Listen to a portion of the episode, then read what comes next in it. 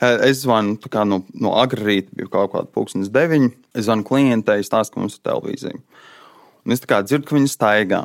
Es domāju, ok, viņi staigā, nu, tad attiecīgi viņi ir aizņemti, bet nu, es mēģināšu iestrādāt tur pāris vārdos. Un viņi runā un runā un runā. Un kā, e, drīzāk es runāju, runāju, runāju, un viņi uzklausa mani. Un tad vienā brīdī viņi sāk runāt, bet ne ar mani. Jā. Es domāju, ar ko viņi runā. Un tad es fonā sāku dzirdēt govis. Un viņi sāka tos govis saukt par Albertu. Viens bija Māris, viens bija citā vārdā nosaukts. Un viņi ar viņiem runāja. Tad es atvainojos, jūs neklausās. Man bija tāds, kā tas ir iespējams.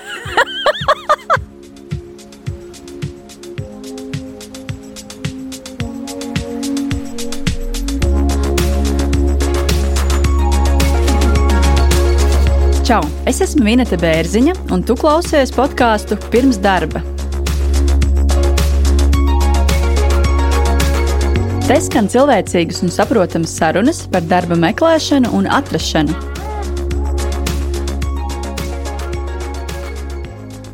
Sveiks, klausītāji! Šodien būs nedaudz neparastāka epizode. Sākotnēji sāksim kā parasti ar sarunu, jeb interviju ar viesi Jāni. Pēc tam savukārt epizodes beigās būs jauna rubrika. Parunāsim par vakanci. Pēc intervijas epizode vēl turpināsies. Čau, Jāni! Prieks, ka ieradies uz podkāstu sarunu. Čau, Bineta! Varbūt tad uh, sāksim. Un, uh, pirmais, ko es tev gribu vaicāt, es uh, kā jau, kā jau daudzus savus kandidātus, jeb viesus, izpētu LinkedIn profilu. Un tavā LinkedIn profilā redzēju, ka pie valodu prasmēm tu esi norādījis sales, jeb pārdošana. Nu, lūk, un jautājums tāds pastāsti, varbūt vairāk, kas vispār ir pārdošanas valoda, tavuprāt? Pirmām kārtām es tev vēlos pateikt lielu paldies, ka to esi piefiksējusi, jo es viņās atzīmēju jau labu laiku. Neviens līdz šim nebija pamanījis to. Ko es ar to domāju? Teiksim tā, ir cilvēki, kas komunicē savā stilā, viņiem katram ir sava doma, kā viņi runā ar šiem klientiem. Es uzskatu, ka tomēr pārdošana nav kaut kādas klišejiskas atbildes, klišejiskas jautājumi, ko zina visi. Visi par to ir jau dzirdējuši miljoniem reižu. Mana valoda, nu, kā es uztveru pārdošanas valodu, ir, kad ir pozitīva komunikācija. Mm -hmm ka tu ļoti labi izproti otru cilvēku, tu saproti viņa vēlmes. Protams, spēlē to visu pārdošanas pamatprincipus, kas ir komunicēt ar atvērtiem jautājumiem, izzināšana. Ir kaut kāda bāzēta struktūra tam visam, un tā ir tā pārdošanas valoda manās acīs. Un tā kā es to izprotu, tāpēc tad arī es to. Es vēl kaut kur lasīju par laipnību. Neatceros, vai tas bija saistīts ar pārdošanu vai nē, bet laipnība ir viens tāds ierocis, ar ko daudz var panākt komunikācijā. Es teiktu, tas ir mans galvenais ierocis. Es ikdienā saskaros ar ļoti daudz klientiem, un uh, pilnībā ar visiem ir uh, pozitīva atmosfēra. Vismaz es cenšos viņu padarīt pozitīvu. Ja klients ir nopietns, es mēģinu sākumā analizēt, kāpēc viņš ir nopietns, vai tās ir ikdienas lietas, vai tas ir darba jautājums, vai tieši es viņam personīgi nepatīku pēc tam, kad es esmu izanalizējis to cilvēku, cenšos ar laipnību viņu transformēt uz pozitīvo mm -hmm. pusi, no, izdabūt no viņa pozitīvās emocijas. Bieži vien pastāst kādu stāstu no savas ikdienas dzīves, un tad viņi paši atmēgst. Viņam patīk, patīk ar mani tā laipnāk runāt. Paturpināsim jā, šo tēmu par telemārketingu ar tevi pirms uh, aicināšanas uz sarunu. Es arī pa telefonu aprunājos. Pirmkārt, gribu pateikt tev paldies, ka uh, atsaucies un pieteicies uz šo sarunu. Ikvienam, jā, kuram, kuram ir kāda neparasta darba pieredze vai interviju pieredze, var droši pieteikties podkāstā. Un, jā, turpinot šo, turpinot šo tēmu, gribu vaicāt, kā varbūt tu pats sāki karjeru telemārketingā? Kā tas viss sākās? Un pirms cik gadiem? Jā, pirms gadiem būtu grūti pateikt, bet es atceros, ka bija, bija viena no manām pirmajām darba vietām. Pat pirmā bija pavārs, bet pēc tam, kad es saprotu, ka tas nebūs mans lauciņš, es izvēlējos telmārketu, nu, kā pārdošanas sfēru. Jo es izanalizēju, tajā laikā es negribēju iet uz augstskolu, jo es nezināju, ko es gribu mācīties. Es izdomāju, ka es iešu karjeras kāpnes, un man liekas, ka tā kā es esmu pozitīvs, vienmēr runāju, un vienmēr, nu, tā kā es arī man patīk cilvēku psiholoģija, tad es centos apvienot visas tās lietas un kļūt par pārdevēju. Es sāku meklēt tās pārdošanas vakances, un tad es atradu televīzijā Televīzijā, wow! Jā, tā bija televīzija, un tā bija televīzija, kuru piedāvāja satli ar satelītu šķīvu.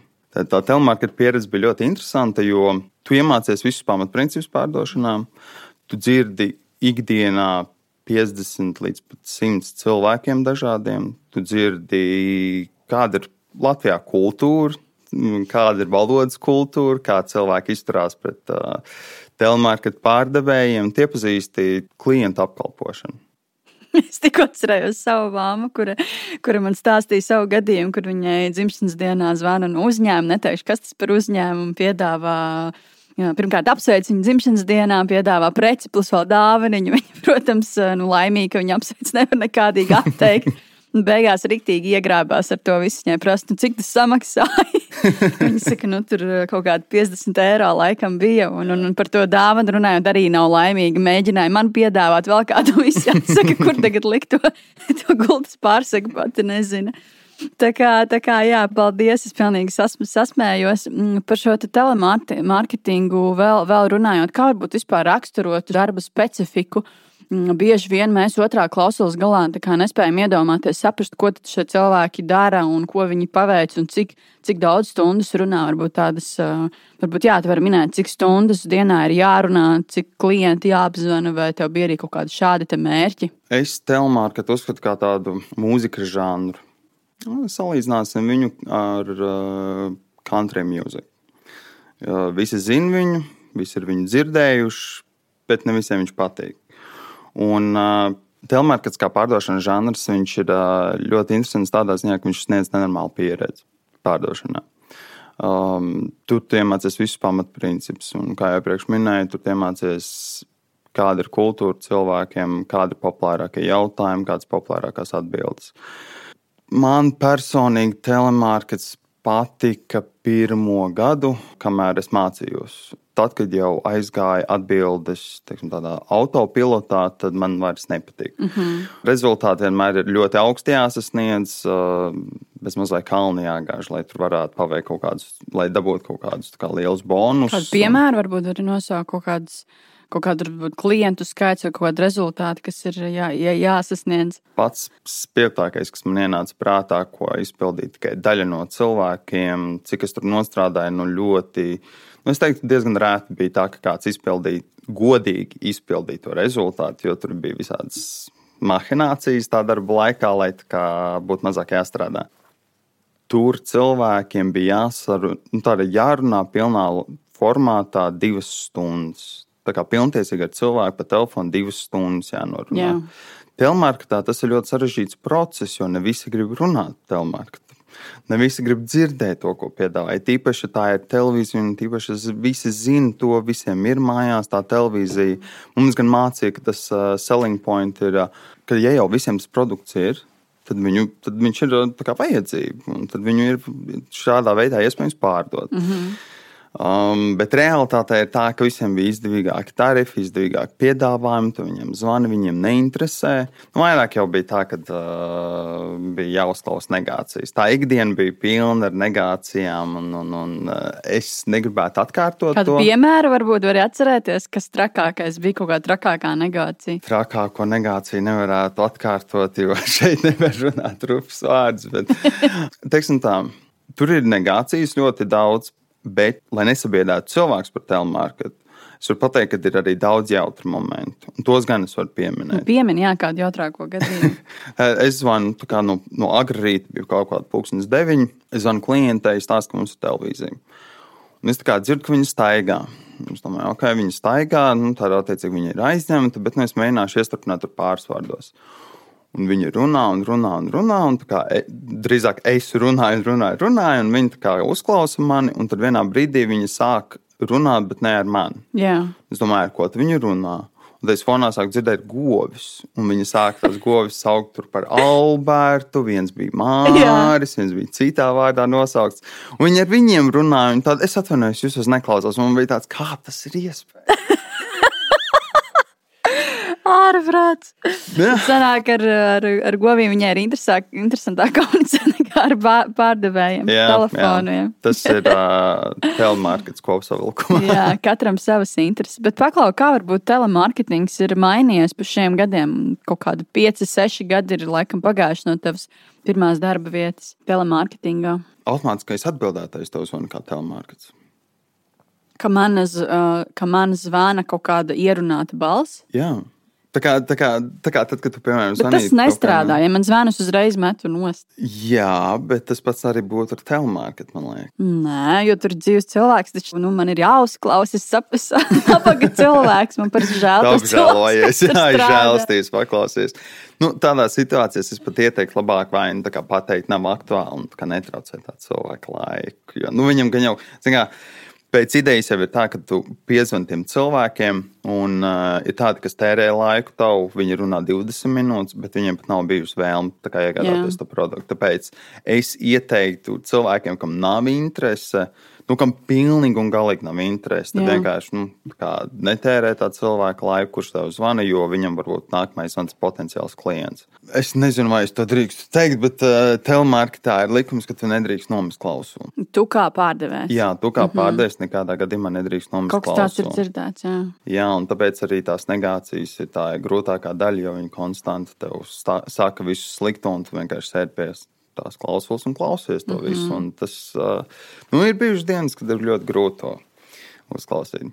Bet, ja mēs atgriežamies pie iepriekšējās tēmas, tad ar telemarketu ir tā, ka mūsdienās, man liekas, ir pišķiņi vienkāršāk. No tāda skatu punkta, ka cilvēki ir saprotošāki. No otras puses, visi telemarketa triki pa šiem gadiem ir atspēlēti. Pilnībā visas, visi ķeksīši, knifiņi, vārdu spēles, kuras pārdevēja spēlē ar klientu, tas viss jau ir no galvas zināms. Piedāvājums tikai jums. jā, jā. Tikai, šodien īpaši cena, tikai šodien. Tieši tā, tieši tā. Dāvanā būs tas un tas. Jā, jā, jā. Un, un zin kā, nu, to visi jau zina. Mm, un, jā. kad kāds saka, man jums ir fantastisks piedāvājums, šis, šis, šis, viņš tev izstāstīs piedāvājumu, saka, tiešām labā, kur tad ir āķis? Viņš saka, nav āķi, nav āķi, bet nu, tad, kad tu iegādājies to produktu, saproti, ka tur kaut kur ir āķis. Jo vienmēr ir āķis. Nē, nu es nestāstīšu visus pārdevēju noslēpumus šeit, bet uh, tā doma ir tāda, ka um, viss jau ir uh, atklausīts. Tāpēc arī man personīgi, nu, es nevarētu vairs iet atpakaļ uz telmārketu, jo es vienkārši Pirmkārt, jau man nepatīk skripti. Es nevaru runāt. Es nesaprotu, kā var pēc skripta runāt, jo katrs cilvēks ir individuāla personība. Viņam katram ir sava doma. Pie katra klienta jāiet individuāli. Nu, kā tev tas skripts palīdzēs? Nē, nu, tā varētu būt. Bet paklā, vai tu telemarketingu varētu ieteikt kā pirmo darba pieredzes iegūšanas vietu jauniešiem? Obligāti. Jo telemarketings ne tikai palīdz pārdošanas sfērā, izaugt un iemācīties visas šīs lietas. Jā. Bet tas iemāca pirmkārt darba ētiku, un tas iemāca cieņu pret citiem cilvēkiem. Es nezinu, nevienu cilvēku, kurš strādā telemarketā. Man ir diezgan daudz draugu palikuši no telemarketa laikiem. Es nezinu, nevienu cilvēku, kurš ieiet lielveikalā vai restorānā un rupji uzvestos pret Jā. kādu darbinieku. Man, jo viņi man... zina, kā tas ir. Nu, jā, jā, es domāju, ka viņi, viņi rezonē ar to cilvēku. Viņi saprot, ka uh, tas ir viņas darbs, viņa tur ir, viņa nav tur labprātīgi. Nu, protams, nu, viņa tur strādā. bet dzīve nav labprātīga. jā, nu, tā kā tur ar labdarību neviens nenodarbojas. Viņai jāstrādā. Un, uh, Man, man arī ļoti nepatīkami skatīties, kā dažreiz pret, pret tiem cilvēkiem izturās. Nu, es nezinu, man liekas, ka tas ir vajadzīgs visiem jauniešiem. Iziet vienkārši tam cauri, pastrādājiet gadu, pusotru, pēc tam atmetiet ar roku, un būs viss super. Jūs būsiet ap, apmācīti. Jūs, bet, pa, bet pagaidiet, bet ja nu nesanāk, vai nav tā, ka šis jaunietis var iegūt pēc tam traumu uz, uz visu mūžu? Nē, un telemarkets ir tādā ziņā pretīm nākošo telemarketā tevi konstanti apmāca. Vai tie ir tie paši darbinieki, tie vadītāji, vai ir speciāls grupas, kas tev apmāca, vai speciāli uzņēmumi tiek piesaistīti, kas apmāca tos darbiniekus. Un viņi tev pastāst visādas knifiņas, kā tikt galā ar uh, negācijām. Tāpat tās. Uh, tāpēc, nu, piemēram, šobrīd nav vispār grūtības klientiem, kas ir uh, teiksim, tā, rūpīgi, jo man jau ir kaut kāds sastrādāts metods, kas man vienkārši automātiski iedarbojas. Parasti ar laipnību iesaka iet nu, pretī, jā, jā, ja jā, cilvēks. Jā. Es vienkārši esmu atradis metodas, kā, ja cilvēks ir rupšs, kā es tiek no, kā es viņu nomierinu un, un kā es varu turpināt komunikāciju ar viņu pēc tam nopietnā veidā. Mm -hmm. Man ir viens interesants jautājums par, par darba intervijām. Tā kā tu esi pārdevējs, tad noteikti tas bijis uz vairākām darba intervijām, un visbiežāk pārdevējiem šajās intervijās lūdz kaut ko pārdot. Varbūt var atcerēties, ko tev ir likuši pārdot intervijā. Tur man pat arī nav prasījuši pārdot lietas. Lai gan es vienmēr esmu gatavojies. Tad, kad es eju uz interviju, tev nav bijusi neviena tāda intervija. Man ir bijusi viena intervija, bet. Uh, man tur... arī ir bijusi. Man liekas, pat vairākas, bet es, liekas, es nezinu, vai esmu gājusi pārdevēju vakancēm ar klientu apkalpošanu iespējams. Mm -hmm. Nu, es esmu klientu apkalpošanu diezgan daudz nostrādājis, bet arī uz tām vakancēm man tā kā neprasīja. Bet arī tajā pašā brīdī ir bijušas arī bijis tā, ka viņi prasa tādas pamatzināšanas, tad, kad tu ej uz to darbu strādāt, vai arī tev vienkārši nepieciešama pieredze. Bet pēc tam, kad es pabeidzu strādāt vienā lielā uzņēmumā, klientu apkalpošanā, tas vairs nebija televīzijā, tas bija pēc tam. Es gāju tieši uz B2B sektoru, meklēt vakances, un vienā no vakancēm bija tā, ka man prasīja, īstenībā vairākās sa saistībā ar Covid, bija tā, ka nu, uz intervijām nevarēja iet. Un tad pirms intervijām viņi jau izsijāja cilvēkus ar video palīdzību. Tev bija mm -hmm. jāiesūta video, kur sev filmē un stāst par to visu. Jā. Viena no lietām, ko man lika uztaisīt, bija trīs minūšu video, kuras pārdod pats sev kā uzņēmumu, kur es stāstu. Un, teiksim, tā, izmantot tos pamatprincipus pārdošanas. Sevi kā uzņēmumu, tas ir kā, kā sevi kā darbinieku vai, vai kā uzņēmumu, kā ietvaros, kur jau tu kandidē? Drīzāk kā darbinieku. Tas vairāk būtu saistīts ar darbinieku. Viņi gribēja vienkārši saprast, teiksim, tā manas labās īpašības, ar ko es izceļos no pārējiem. Visu to, ko pārdošanā tu izmanto, tas ir to vienkārši izmanto pret sevi. Es pielietoju bišķiņu citu metodi. Es esmu, jo vispār pēc idejas man liekas, ka pārdevēji nav vienkārši, tas nav vienkārši amats. Tie ir mākslinieki, tikai viņi runā. Viņi interesanti runā, viņi interesanti sev parāda, viņi, viņi ir tādas publiskas personības, un ne visas personības ir tajā, tajā, tajā kategorijā. Bet, ja mēs atgriežamies pie iepriekšējās tēmas, runājot, tad man liekas, iesūtīt 3 līdz 4 minūtes Ne, tur bija preci, ļoti strikti trīs minūšu video. Tur bija jānorāda konkrēti punkti. Es, kad ieraudzīju to, man, nu, es negribu teikt, bet man uzreiz bija negācijas. Jo tas, ir, tas man atsūtīja ļoti lielu ēpastu. Tas ēpasts likās nu, vienkārši kaut kādi strikti noteikumi. Nu, tu saproti, ka tas vadītājs ir ļoti strikts, un viņš grib, lai tie darbinieki, kas zem viņa ir, ir tieši tādi paši. Tieši tādi paši kā viņi, tāds kopijas mazs. Un es noteikti nebiju viena no tām kopijām, jo es arī pārliecinājos, vai viņa ļautu man būt viņa saudabīgam. Uh, vai drīzāk izmanto kaut kādas savas metodas, vai nestrādā pēc viņas pamatprincipiem. Ko tu tajā video darīji? es, protams, pārdevu sev. Es darīju tad, tad tos pašus primāros uh, punktus, pildīju. Bet es uztaisīju nevis trīs, bet uztaisīju četras minūtes video. Un es uh, stāstīju ne gluži tā, kā viņi gribētu dzirdēt. Jo nu, tur tu izlasi tos punktus, un tu kā pārdevējs jau saproti, ko viņi grib no tevis. Bet es stāstīju bišķiņ citādāk. Es stāstīju no citas skatu punkta. No kāda skatu punkta? Par to pašu pārdošanas valodu. Tas bija tas, ko es stāstīju. Tas, kad es uh, redzu cilvēku citādāk, es piesaņojos katram citādāk. Bet viņi gribēja zināt nevis to, kāda ir mana mentalitāte, kad es runāju ar klientu. Bet viņi gribēja dzirdēt to, ka es zinu tos pamatprincipus. Un tā kā man, tas, tā kā man likās, tie, nu, tas ir viss primārākais, ko jebkurā pārdošanas darba vietā tu vari izrunāt tad, eh, vai iemācīties. Man liekas, tas ir apvainojums, ka viņi man prasa tādas lietas. Bet, uh, paklau, jā, mēs runājam par šo telemārketingu, bet saprotu, ka šobrīd vairāk neesi tajā telemārketingā. Varbūt īsumā, ko tu šobrīd dari, kas tu esi? Jā, tad šobrīd es esmu pārdevējis B2B segmentā. Es komunicēju ar, ar biznesa klientiem. Ar biznesa klientiem, jā. Mm -hmm. Un šobrīd ir ļoti, ļoti fantastiska darba vide pilnībā visi mani klienti, ar kuriem es runāju, ir fantastiski cilvēki. Es ikdienā ar viņiem komunicēju. Un nav tā, ka tu vienkārši nopārdod produktu un visu to aizmirsti par to cilvēku. Tu veido kontaktus, tu veido tādus kā draugus. Es zinu, dažreiz tu jūties ļoti noguris. Pēc darba dienas tu aizēji uz mājām, ja tev ir otra pusīte, tu gribi viņai padalīties ar to otru pusīti.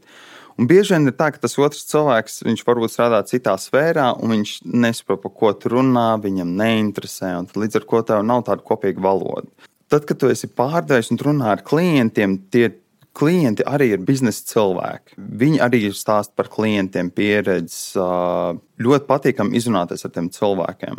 Man ir bijušas dienas, kuras aizbraucu pie klienta, un es divas stundas vēl sēžu ar viņu un runājos par viņu hobijiem. Dzerat kafiju un pļāpājat. Jā, jā, es esmu uzzinājis par ļoti daudz dažādām interesantām vietām, kas ir Latvijā, kur tu vari tikai piezvanīt, un tā tu vari tikt iekšā uz visādiem privātiem muzejiem. Un, Zinām, tu vari izrunāties gan par biznesu, gan par brīvo laiku, gan par izklaidēm ar tiem cilvēkiem. Tā ir vairāk kā ģimene, nevis kā klienti. Izklausās lielisks darbs. Pēdējais jautājums man ir tāds, ko es uzdodu pēdējā laikā visiem viesiem. Kāpēc varbūt vispār klausies podkāstu pirms darba? Jo man ir interesanti paklausīties, kāda ir, kādas ir pieredzes cilvēkiem, kas meklē darbu, un kādas ir pieredzes cilvēkiem, kas dod darbu. Un tā kā es man ir savas metodas, kā es meklēju darbu, tad man ir interesanti paklausīties, kā citi cilvēki pielieto un kā viņi skatās. Un, jā, un tāpēc man ir interesanti paklausīties cilvēku pieredzi. Nu, man kā pārdevējiem patīk runāt, man patīk klausīties. Un, man liekas, tas vienkārši attīstīja cilvēku, tu klausies tādas lietas un uzzini kaut ko vairāk. Paldies, Jāni, tev, ka atnāci un padalījies ar savu telemārketinga pieredzi un, un arī šiem smieklīgiem stāstiem. Es laikam secinu, ka šis darbs ir tiešām foršs tāds starts jauniešiem. Tas ir viens no pirmajiem darbiem, kur daudz ko var iegūt, iemācīties, kā komunicēt, kā, kā pārdot, kā sevi prezentēt un daudzas citas lietas. Tā kā liels paldies tev! Paldies arī jums. Un, jā, ja kādam interesē sfēra, kā pārdošana, kā sfēra, droši doties uz telemarketu, pasādājiet gadu, tad ejiet augstāk. Super, paldies par ieteikumu. Tā. Viss labi. Uh, klausītāji vēl neslēdzēt ārā savas ierīces, varēsiet dzirdēt jauno rubriku. Šodien podkāstā jauna rubrika parunāsim par vakanci. Šis tāds varbūt sākotnējs eksperiments. Redzēsim, kā mums izdosies. Ja būs interese, tad noteikti arī turpināsim. Tālāk varbūt došu vārdu kolēģim Jurim. Sveicināti klausītāji! Tad, tad atkal esmu ielauzies pie Vinetes podkāstā. Tas ir mēģinājums mūsu klausītājiem palīdzēt atrast darbu. Podkāsts palīdz atrast darbu visādos veidos, un šis varētu būt viens no veidiem. Mums ideja bija tāda, ka mēs varam ņemt kādu pavisam konkrētu un, un reāli šobrīd esošu vakanci darba piedāvājumu un mēģināt to drusku analizēt, eh, drusku atvērt viņu vaļā, paskatīties, kas tur iekšā, kas lācītim vēderā. Jo bieži vien aiz tā sludinājuma nevar īsti redzēt, kas tas īsti ir par darbu. Tie sludinājumi ir tādi līdzīgi, ja, un darba meklētājs dažreiz redz sludinājumu, izlasa un viņam rodas visādi jautājumi. Viņš eh, neatrod atbildes sludinājumā. Un kā mēs tur varam palīdzēt? Darba meklētājs varbūt priecātos, ja viņš varētu uzdot dažus jautājumus un dzirdēt dažus paskaidrojumus no kaut kāda dzīva cilvēka, no šī darba devēja, pajautāt to par vakanci, kas viņu varētu interesēt un ko viņš varbūt nevar izlasīt šajā sludinājumā. Un tad mēs pamēģināsim, paeksperimentēsim ar vienu uh, reālu vakanci šobrīd. Par kuru vakanci šodien runāsim? Tas ir sens un ļoti labs mans klients, akciju sabiedrība BAU.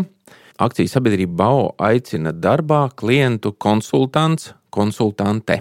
Vakāns ir publicēta gan CV online, gan pie mūsu ļoti mīļā sadarbības partnera Te ir darbs. Saites uz vakāns sludinājumu redzēsiet mūsu podkāstu epizodes aprakstos.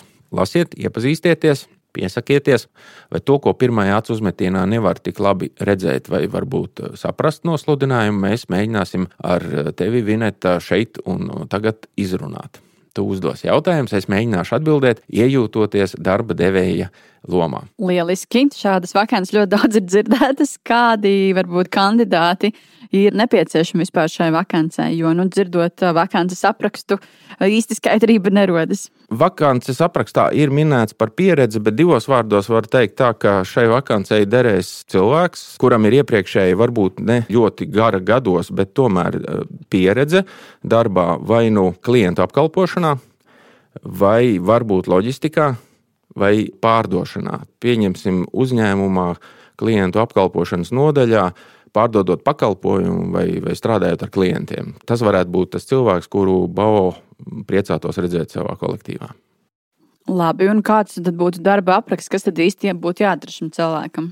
Klientu konsultants tas ir tas, kuru klients sazvana, vienojās par pakalpojumu. Klientu konsultants palīdz noformēt to kā pasūtījumu, noformēt attiecīgos dokumentus, iegrāmatot, nodot tālāk izpildīšanai, sagatavot līgumus, rēķinus, iegrāmatot klientu datubāzē, uzraudzīt, vai viss ir noticis, pakalpojums ir sniegts, vai nauda ir samaksāta un tam līdzīgi. Tad, tad tas ir cilvēks, kurš uzrauga, kā notiek darbs ar klientu.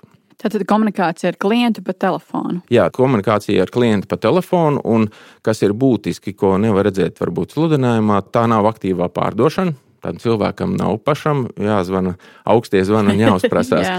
Kompānija Bauer ļoti labi pazīstama savā nozarē, un klienti viņu atrod paši.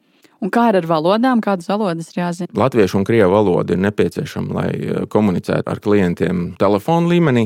Latvijas, protams, ir jāprot rakstīt pietiekami labi, jo tie ir dokumenti, tas ir skaidrs. Angļu valodas prasības ir, nu, teiksim tā, sarunu valodas līmenī. Ja tev šī vakance būtu jānoreklamē tagad, ko tu gribētu izcelt šajā vakancē?